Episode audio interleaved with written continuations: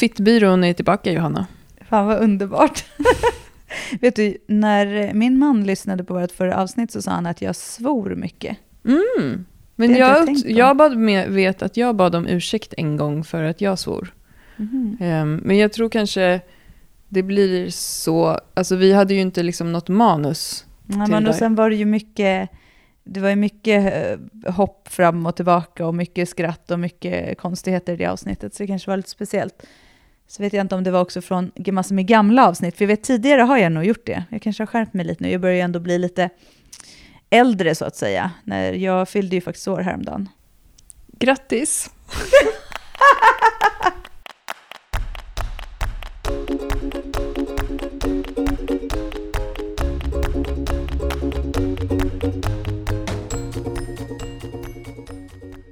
Men jag, då måste jag fråga dig, för att förra året när du fyllde år så sa du nämligen fel i podden. Hur mycket fyllde du Johanna? Ja just det, jag kommer faktiskt inte ihåg. Jag fyllde ju faktiskt 38 nu. Nej, vad sa jag förra gången då? Jag tror att du började räkna på fingrarna. Ja, men alltså, jag har verkligen dålig koll på min egna ålder. Det måste vara för att jag känner mig så väldigt ung på något sätt. Men det är ju för att det spelar ju inte så stor roll eh, Nej. längre. Alltså det är ju samma som det här med jul. Jag berättade för dig att det jag fick i julklapp var ett rivjärn. Ja, men det är mysigt. Det är i och för sig ett sjukt bra rivjärn. Ja, men det Microplane. är det. Ja, nej men alltså ålder är ju, jag vet att jag har några år kvar till 40, sen om det är tre eller två, alltså, jag vet inte, det är inte så noga. Det härliga Men, eh, med när du fyller 40 Johanna, det är ju att det är ju det året när experterna har räknat ut att världen kommer att vara tillbaka efter pandemin och att alla kommer spåra ur. Så din 40-årsfest, då ska vi tillbaka, ta tillbaka att jag inte hade någon 40-årsfest och så blir det liksom, vi går all in på din 40-årsfest. Vi går all in på min 40-årsfest. Det låter, Vi hyr Härligt. en färja. ja, en färja också, herregud. Ja, nej men det, låter, det låter härligt. Jag kan ändå känna att då ser jag liksom lite fram emot att det får spåra på något sätt och att vi är galna och vanliga igen. Ja, Ja, fan så bra. Då har vi det att se fram emot.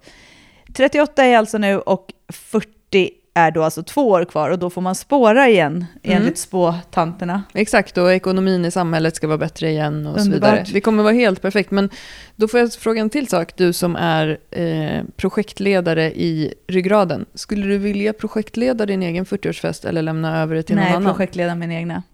Du skulle inte kunna släppa det va? Nej, jag får panik på bara jag tänker tanken att det inte skulle bli som jag vill. Nej, men alltså nu ska jag också säga en sak apropå att ekonomin är stabil igen. Vet du hur tråkigt det har varit genom alla år? Nu kan jag, tycker jag att alla kan få tycka lite synd om mig ett tag.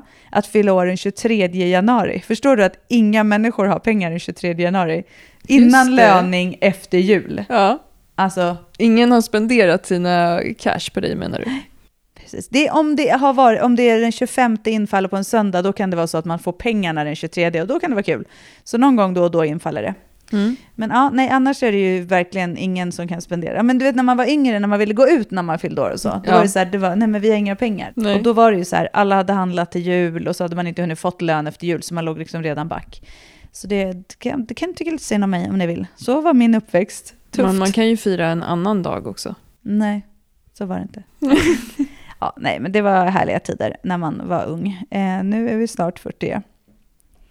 Ålder är bara en siffra, helt betydelselös. Men eh, jag ska också vara ännu starkare när jag fyller 40. Nu är det lite mer, inte lika stark just nu. In this situation. Och med det tackar vi för dagens avsnitt. Och eh, vi hörs igen om en vecka. det, var, det var ändå ett snabbt avsnitt. Nej, men jag menar varför jag sa välkommen till Fittbyrån, som återkopplar till förra veckans avsnitt, där vi hade en liten tillbakablick på det. Det är att vi idag ska prata om en nypublicerad studie på urinläckage hos kvinnor som utövar crossfit.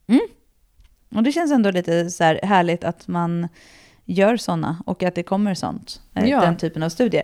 Så då känner vi att vi vill plocka upp det och eh, prata om det. Och för att det också var flera saker som, lite så här skulle jag säga att vi kan känna så här, så där har vi faktiskt pratat lite, eller det har vi också varit inne på. Så det känns också lite kul att den lite stärker våran, några av våra teser. Men så är det ju ofta med forskning, att forskning finns för att dokumentera det som man länge redan har trott eller så. Och vi kommer till det, men vi fick faktiskt, vilket passar bra inför det här avsnittet, en anonym lyssnarfråga. som också hänger ihop med urinläckage. Och eh, den ska jag nu läsa upp. Eh, när jag gör hela situps är det jättesvårt att inte läcka urin. Vet ni varför och vad man kan göra? Har fler så? Brukar göra deadbug med benspark istället. Är det en bra övning att byta med eller vilken ska jag köra? Vad säger du Johanna? Mm, ja, jag skulle säga så här att eh, om man bara så generaliserar så jag kan inte svara på att eh, många har problem med just situps. Men det är ju så att det kan hänga ihop på grund av att höftböjaren fäster i bäckenbotten. Så det kan ju vara så att det blir ett tryck neråt när den drar. Alltså att, att man att det kan påverka. Så det är inte, jag skulle säga det är inte konstigt. Nej. Eh, men däremot så tänker jag så här att om man har det i den övningen så skulle jag bara byta det till en annan övning.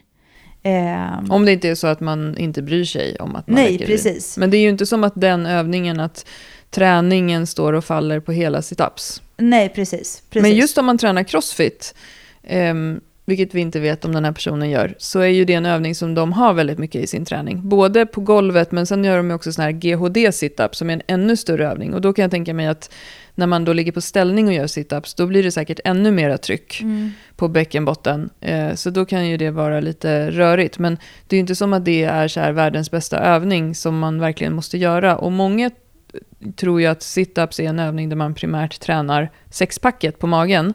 Men situps är ju också väldigt mycket en övning för höftböjaren. Ja, och det är därför det kan hänga ihop just mm. med läckaget. Men alltså som sagt, byt ut övningen och jag tycker att deadbug som, som den här personen skriver med benspark är superbra övning. Och man kan ju också lägga till ett miniband runt fötterna och då blir det ju mer en höftböjarövning. Alltså det vill säga att när du gör, du ligger i deadbug, död insekt, som en liten insekt som den låter. Och sen så sätter du ett miniband runt liksom fötterna, alltså så att, och så, så trycker du ett ben i taget ner. Då kommer du jobba med höftböjaren. Eh, så det är en jättebra övning också att byta med om man vill, men man kan ju också jobba med våra favorit, McGill Curl Up, som går att göra både med och utan vikt för att få motstånd. Man kan göra den också med att hålla statiskt i eh, toppläget. Men sen också hängande knälyft, det är också en övning där du jobbar också med eh, höftböjaren, mm. väldigt, eller primärt skulle jag säga, i den. Om du gör en, eh, inte gör den med eh, kipping, för då blir det en lite annorlunda övning. Men eh, så att byt till någon sån övning som fungerar. Ja, och som sagt, hade det varit så här knäböj, ja men då är det en större övning som du verkligen vill kunna göra. Men när det gäller en sån här övning så hitta det som passar. En sak som jag tänker på med deadbug, eh, som inte har med urinläckage eller någonting att göra, men det har vi kört en del i vårt team friskvård. Och där har vi ju att vi tränar live en gång i veckan med de som vill via Zoom, som är med i den gruppen. Och när jag körde passet förra veckan så stannade jag alla och pratade om deadbug. Därför att jag såg när de gjorde övningarna, eftersom att man ser folk på Zoom, man får ha på kameran om man vill, att många gjorde den väldigt fort. Alltså det var nästan som att de låg på golvet och gjorde så bencykling. Och det, då tappar den övningen lite, eh, den blir inte lika tung då. Och sen är det också väldigt lätt att man drar upp knäna för högt på, liksom, mot axlarna. Och då eh, jobbar man inte lika mycket med liksom, bålen. Så då var jag så här, app, app, app, och så pratade vi lite om det. Och så fick jag alla att liksom, ligga och göra den mycket långsammare. Och det var flera som sa efteråt så här, att så här, aha, nu fattar jag den där övningen. De har liksom bara legat på golvet och cyklat. Men är inte det lite som med många övningar som på något sätt berör bålen, att de går att göra på flera olika sätt, vilket innebär att gör du det inte mer kontrollerat, där du kanske har ett visst buktryck till exempel, som vi har pratat om i tidigare avsnitt när vi pratade om buktryck och så, att har du inte det och bara ligger och är avslappnad och sprattlar med benen, likaså när du gör hängande benlyft, om du inte har ett påslag och bara försöker lyft, sprattla, eller liksom, det blir inte samma effekt, utan det kräver att du har det här påslaget för att jobba med större del av muskulaturen. Mm. Eh, och eh, jag tänker det, den här klassiska övningen när man står på alla fyra, eh, och eh, ska sträcka ut ett ben och en arm. Just det. Som är så här klassisk också, lite prehab-övning och sådär. Bird dog. Ja, bird dog heter det. Ja. Fågelhund. Ja, som, som finns också som man kan jobba med vikt och statiskt och så vidare. den övningen är också så här, om man, som man kan stå och vifta hur mycket som helst utan att Och inte känns, fatta någonting. Ja, och inte fatta något. Men om du gör den med ett påslaget buktryck så kommer du också känna att du jobbar med just antirotation och så vidare i den.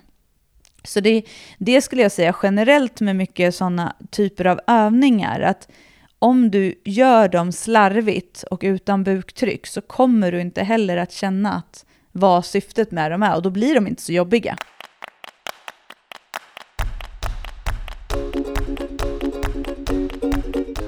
Den här studien då, som Mm. har kommit. Det är, jag, upp, jag tror att det är, eh, det är flera delaktiga i som har varit med och gjort den här studien. Och den utgår från Charles Darwin University i Australien. Och vi hittade ju även några eh, äldre studier från Australien som också har tittat på det här med kvinnor som tränar och urinläckage. Det verkar som att de har en del forskning som pågår där. Men det är en så kallad tvärsnittsstudie eh, där de gjorde en online-enkät med 452 kvinnor som tränade crossfit.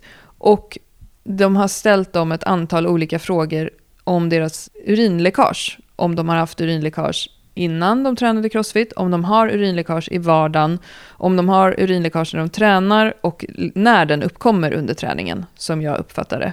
Och eh, den har ju eh, lite spännande resultat och samtidigt som du sa, lite så här självklart resultat. För det de eh, ville undersöka var ju också, bör man skilja på just vardagsläckage och träningsinducerat urinläckage? Vilket deras slutsats är att det tycker de att man bör eh, göra, att man bör dela upp de här två olika faktorerna. Men det var ju en del spännande statistik som kom fram eh, utifrån den här studien. Det som var liksom huvud, eh, vad ska jag säga, budskapet var ju också att det är många kvinnor som undviker träning på grund av sitt urinläckage. Och det tycker jag verkligen är en sån sak som, alltså som man blir lite ledsen över. Eller liksom att det, blir, det är så himla negativt att man väljer alltså att inte träna för att man då är rädd att ha ett urinläckage i sin träning. Eh, så, och, det- så det tycker jag är väldigt negativt att, att den procenten är ändå ganska stor. Att med, med, med de kvinnor som då väljer att inte det. Ja, det är jättetråkigt. Och eh, om man tittar lite statistik från själva undersökningen så eh, har de liksom definierat urininkontinensen i två olika delar. Och den första gruppen kvinnor, då var det 9,7 procent, alltså ungefär 10 procent, som inte hade urinläckage innan de började träna crossfit. Och som har fortsatt att inte ha urinläckage under vardagliga aktiviteter, men kunde uppleva läckage under då träning eller tävling, eh, när de alltså kör crossfit. Och den andra gruppen kvinnor var 8% eh, som hade upplevt urinläckage innan de började träna crossfit, alltså i vardagen, men som inte längre efter att de hade trä- börjat träna crossfit eh, fortsatte att läcka i sin liksom, ja, vardagsurininkontinens. Den upphörde, men att de ändå upplevde eh, urinläckage under träning eller tävling eh, av crossfit. Så Och det, du säger är alltså att eh, 8% av kvinnorna som var med i den här studien, som innan hade problem i vardagen med urinläckage, hade alltså inte det längre efter att de hade tränat. Ja, precis. Så vilket innebär då att har man en problematik i sin vardag och börjar träna, och det är det här jag menar då som när vi har sagt att träning är också knipträning. Ja. Alltså styrketräning är också träning för bäckenbotten i och med att det är en muskel som tränas när du styrketränar. Så att kan, då, då talar det ju egentligen mot att man är rädd för att träna för att eh, få ett läckage. Ja, Men medan det kan hjälpa en i vardagen att bli läckagefri, eller alltså att inte ha läckage. ja, att bli starkare så kommer du bli starkare i bäckenbotten också. Och det minns jag att jag sa i förra avsnittet, Ja. att bli starkare löser allt. Exakt.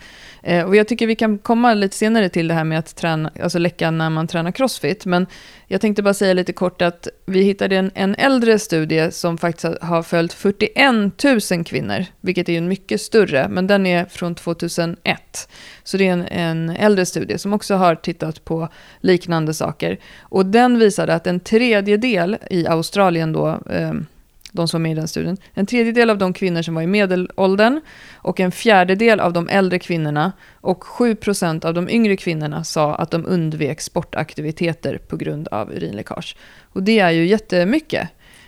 Ja, men så tänker jag att det, det är fortfarande, även om vi har de här siffrorna och att vi kan se så här att det finns en nytta med att träna, så ska man också se att att till exempel då gå på, låt oss säga att man skulle gå och träna ett pass, som för många är det man kanske gör, alltså du går och tränar någon typ av grupppass. Mm. Eller då som crossfiten, som också är en slags grupppass du går på. Att det som jag tror blir den här svår, liksom stora övergången, eller det som gör att det är svårt, är att där kommer du inte kunna anpassa träningen och har du en problem och börjar träna så finns det ju en risk för att du läcker. I, ja. även i idrotten. Och det gjorde ju de här. här man fortsatte ju att läcka inom idrotten om man hade haft problem, men man kanske inte gjorde det i vardagen, för man blev starkare. Mm. Eh, så det är ju fortfarande det här att styrketräning, som vi ändå slår ett slag för, alltså det vill säga typ, behöver inte vara med skivstång, men med kettlebells eller hantlar, den typen av styrketräning, att den ändå kan vara bra för att bygga upp en styrka. För att på många, det som är problemet, och som de också kommer fram till i den här studien, är att om tränare och coacher skulle vara mer öppna med det här med urinläckage och erbjuda och eh, ge förslag på alternativa övningar i, i de övningar som lätt leder till läckage, som är tuffare, där det blir ett högt tryck mot bäckenbotten. Om det skulle vara så något som varit väldigt så här, vi pratar om det, det är inget konstigt, då skulle kanske fler våga gå och träna. För det som händer idag är att man går på ett grupppass och sen är det då, vi säger hopprep till exempel, och så är det det du läcker av för att det är ett jättet, en jättetuff övning. Och så har övning. du en manlig 21-årig supermusklig coach ja, som, som, du inte vågar säga det här till. Precis, och då gör ju det att du inte vågar. Till skillnad från om det skulle vara så här att ja, men de här övningarna är tuffa, här kan man välja att göra så här, eller här har vi fyra övningar att välja på om du vill göra konditionen till exempel. Att skulle man ha med den öppenheten så skulle det också kanske inte vara lika läskigt. Men det är också det vi vill säga, så här, gå in i gymmet och träna styrketräning, för den kan du anpassa utifrån dig själv. Och då kommer du att bli starkare, för när du gör dina böj, när du gör pausböj eller excentriska, så med en vikt som du klarar av, så kommer du att stärka bäckenbotten, eftersom det är en muskel som tränas mm. när vi jobbar med ett buktryck. Ja, och det, lite det som vi, eh, som jag sa att vi skulle komma in på, det är ju också det här med uppfattningen av om ens urinläckage är ett problem. För att det är den här eh, senaste studien, den har ju intervjuat både då personer som tävlar i crossfit, men också personer som bara är motionärer. Och eh, jag tänker ju att det är de som är vanliga motionärer som i högre grad, alltså nu, det här har inget med studien att göra, det här är bara liksom mina och våra tankar. Jag tänker att vanliga motionärer tycker att det är jobbigare att läcka eh, under träning än vad en liksom, tävlande elit-crossfittare gör. Därför mm. att det är lite så part of the game när man tävlar och kör hårt, precis som att man så här, inom styrkelyft säger att man så här, tar i så man spricker och sånt. Det är lite coolt där. Det är liksom, du har inte gjort ditt allra max om det inte typ har kommit någon kroppsvätska.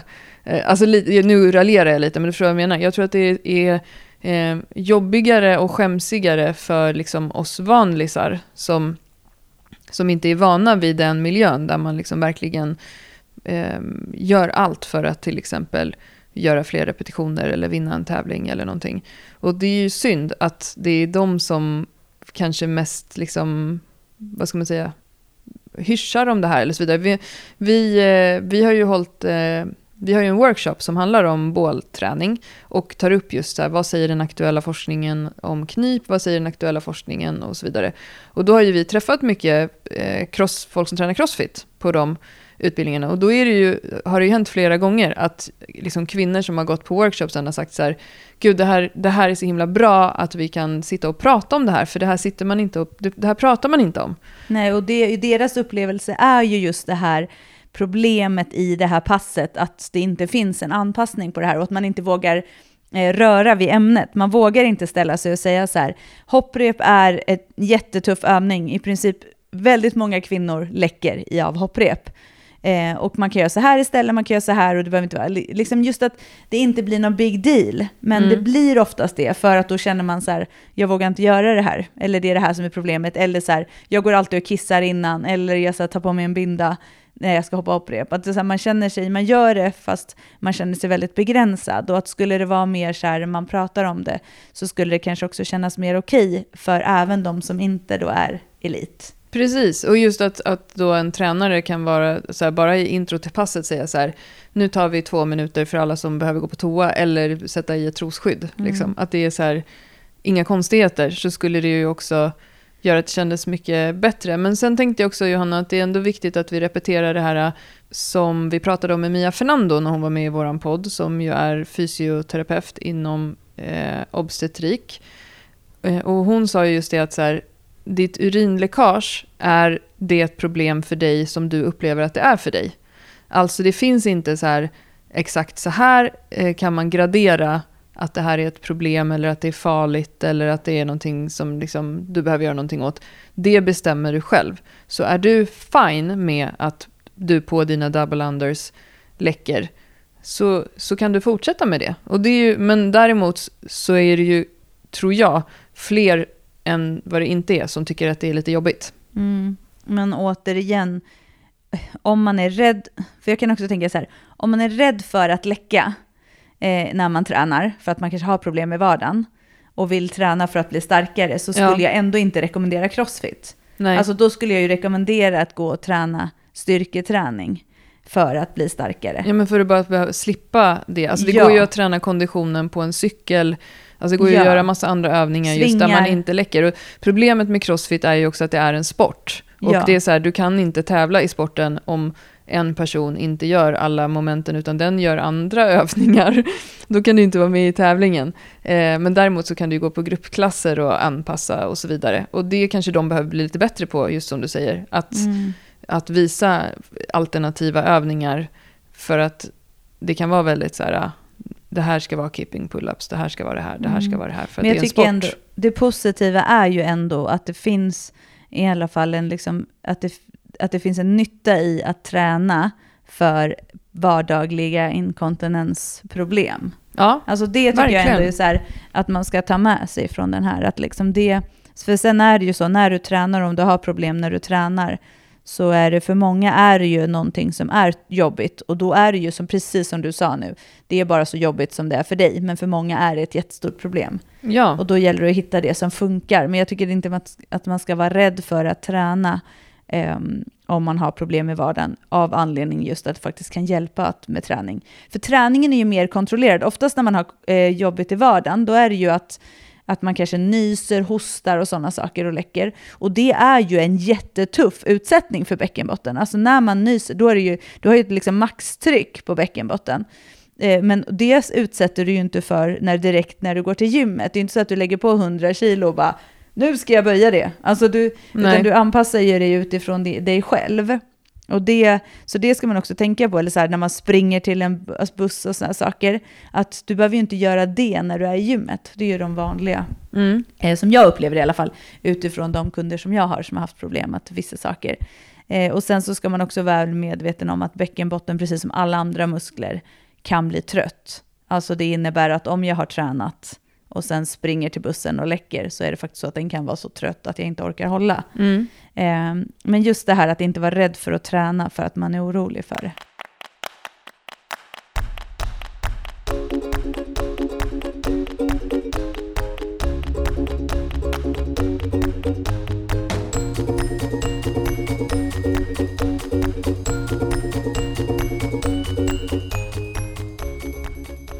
Nätet kan man ju hitta fysioterapeuter inom olika områden och då finns det just listat inom kvinnohälsa att man går till en person som kan undersöka ens bäckenbotten om man är orolig och, och liksom få en checkup på här är din status. Precis som att man kan gå till en fysioterapeut och kolla upp sin axel om man har ont i den eller så vidare.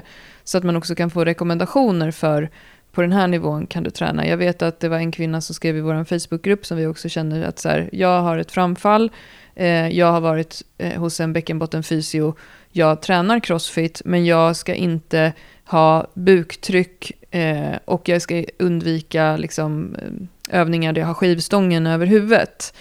Eh, och då, då vet hon det och så kan hon anpassa. Eh, för det går ju aldrig att säga så här, jag har läst på nätet att jag ska göra så här. Eller, eh, eller bara för att vi nu säger att så här, urinläckage är bara så jobbigt för dig som det är för dig. Det kan ju vara så att en person verkligen liksom behöver en plan. Ja, absolut. Eh, så absolut. det går ju att verkligen att kolla upp det. Och det är ju också någonting som man skulle vilja blev mer liksom norm. Att så här, precis som att man går till tandläkaren en gång om året. Alltså man liksom går och kollar upp Ja. eh, sin status. För att man kanske behöver det. Men så, summan av kardemumman, studien som kom här i december, slutsatsen i den är att de menar att eh, det är viktigt att skilja på vardagsinkontinens och träningsinkontinens. Och det är ju vi, det håller vi ju med om också att man bör göra. Och det har ju vi alltid gjort, för vi har ju också sagt att har du en problematik i vardagen så kan det också hjälpa med att lägga lite extra fokus på knipträning. Precis. Men att den knipträningen kommer kanske inte hjälpa dig inne på gymmet, utan då handlar det om att hitta en belastning där du inte läcker, där du kan bli starkare. Ja, precis.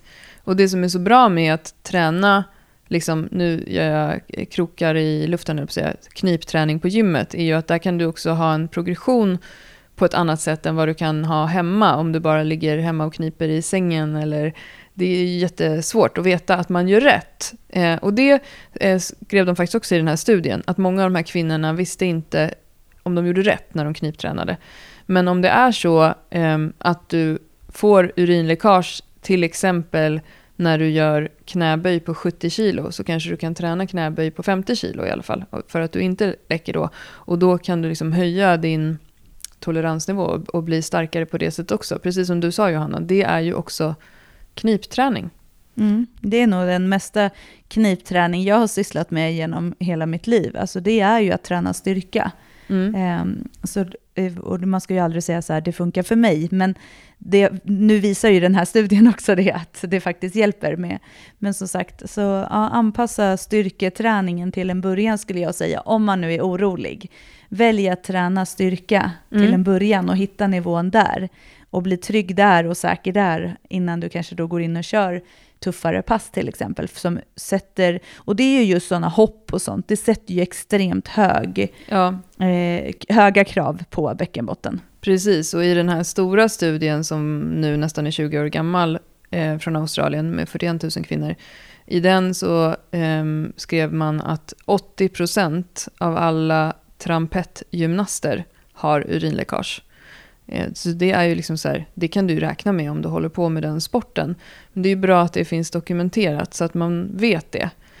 Ehm, och jag tyckte också det var lite peppigt i den här studien ändå att, att av de här åtta, nu blir det väldigt mycket siffror, men av de här åtta procenten som hade vardagsläckage som blev eh, av med det när de började träna crossfit.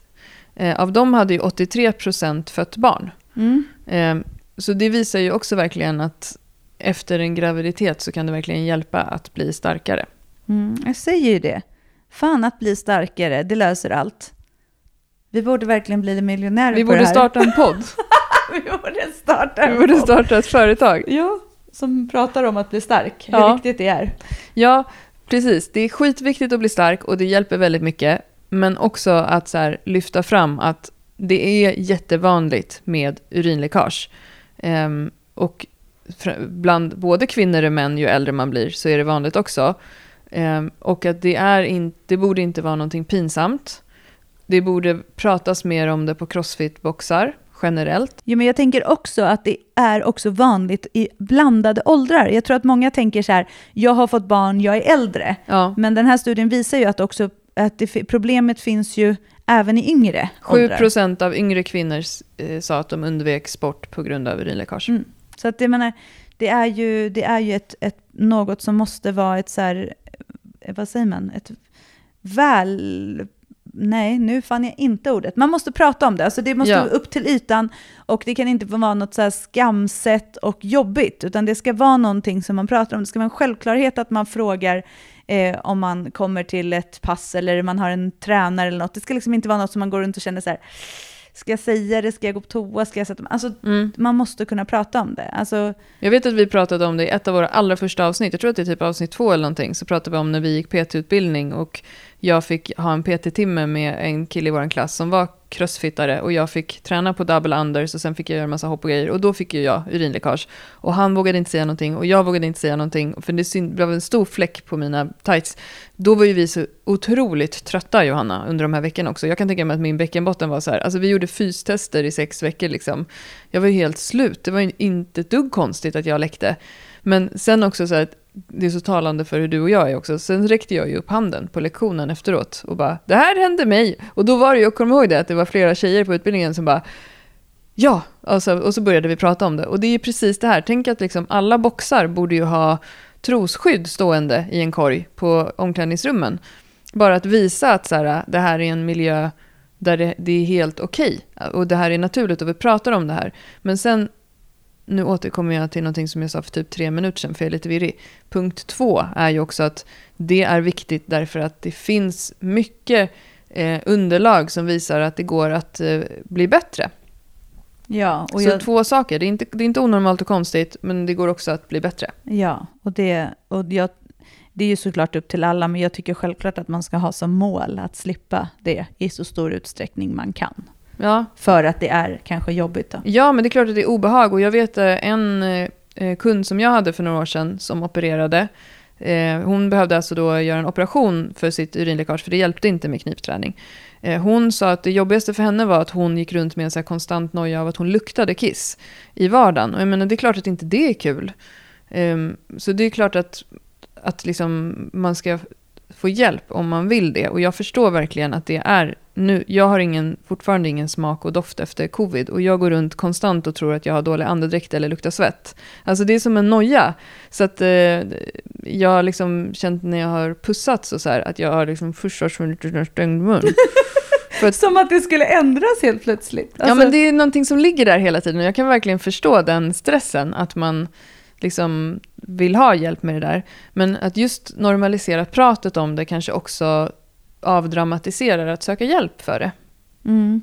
Och sen också att det, det, kom, det är också sånt som kommer vart eftersom. Vi har börjat prata om det mer, det kommer studier, vilket Mm. gör också att det kommer finnas mer, det är fl- fler och fler eh, människor eh, utbildar sig inom, liksom specialiserade på det som är fysioterapeuter. Alltså det händer ju saker hela tiden, även om det går långsamt och det är långt ifrån en nivå som är acceptabel, så är det ju ändå så här, det är i alla fall åt rätt håll. Men så är det ju så här med kvinnohälsa generellt. Hade det varit mm, ett mansproblem så hade vi förmodligen haft hur många proffs som helst på det.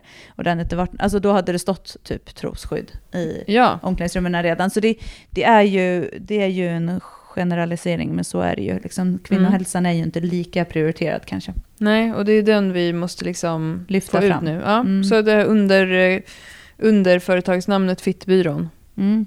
Jo men alltså en dag kommer vi ju starta Fettbyrån. Då kommer vi bara prata om Satisfyer Curve. alltså. Det är underbart. Ja, Undrar hur många som har beställt en sån, för, förlåt, efter vårt förra avsnitt. ja, jag vet en. Handen upp. Ja, jag tror alla, alla, den sålde slut efter förra avsnittet. Om man eh, vill läsa de här studierna, både den äldre som vi pratade om och den som kom nu i december, så länkar vi ju alltid eh, när vi pratar om studier till dem i eh, podcastappen. Så att om du lyssnar i Spotify eller Acast eller vad du nu använder för app så finns det en länk där. Däremot så är det svårt att länka på Instagram där vi alltid lägger ut våra avsnitt. Mm. Men i din app så kan du hitta, om jag ändå ska fortsätta med det här med appgrejen, så vi är sjukt dåliga Johanna på att påminna våra lyssnare om att prenumerera på podden, eh, recensera gärna podden om du vill. Det är jättebra för oss för då gör det att algoritmerna gör att våran podd kommer upp i såna här rekommenderade inlägg och yada yada.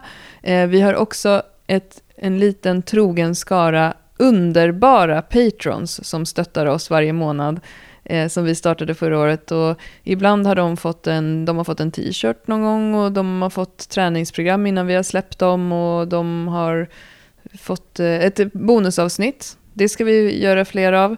Eh, så att de vill vi också tacka jättemycket Mm. eh, för de här åren. Ja, vad fint, fint där säljet. Jag tänkte på en sak också. Mm. Fittbyrån liksom. Ja. Alltså det kan hända att Fittbyrån någon gång blir något vedertaget ihopkok här. Men om man har frågor till Fittbyrån som gäller knip eller om det gäller annat eh, så får man ju ställa dem såklart. Så kanske det kommer ett och annat Fittbyrån-avsnitt. Ja, det vore ju roligt Mm. tycker jag. Och du, då måste jag också säga att eh, det var en som hade lyssnat på vårt förra avsnitt om det här, det här vi refererar till är att det var någon av oss som lät så här Ja. av en satisfy curve. Att det kan ha varit en root chakra-orgasm. Just det. Kanske kommer in lite mer på sånt också. Man ska aldrig... Nej, jag ska, ja, det är bra. Vi ser. Fittbyrån kan komma mer framåt. Det kan behövas lite sånt ibland. Johanna får vara lite nervös och Klara får prata ut. Det är typiska eh, upplägget i Fittbyrån. Men det är kul. Jag gillar det. Eh, Ja. När man aldrig vet vad som kommer ur din mun. Eh, nog om det. Nog om det. Vi hörs igen om en vecka. Det gör vi. Ha det bra. Du är med. Hej. Hej.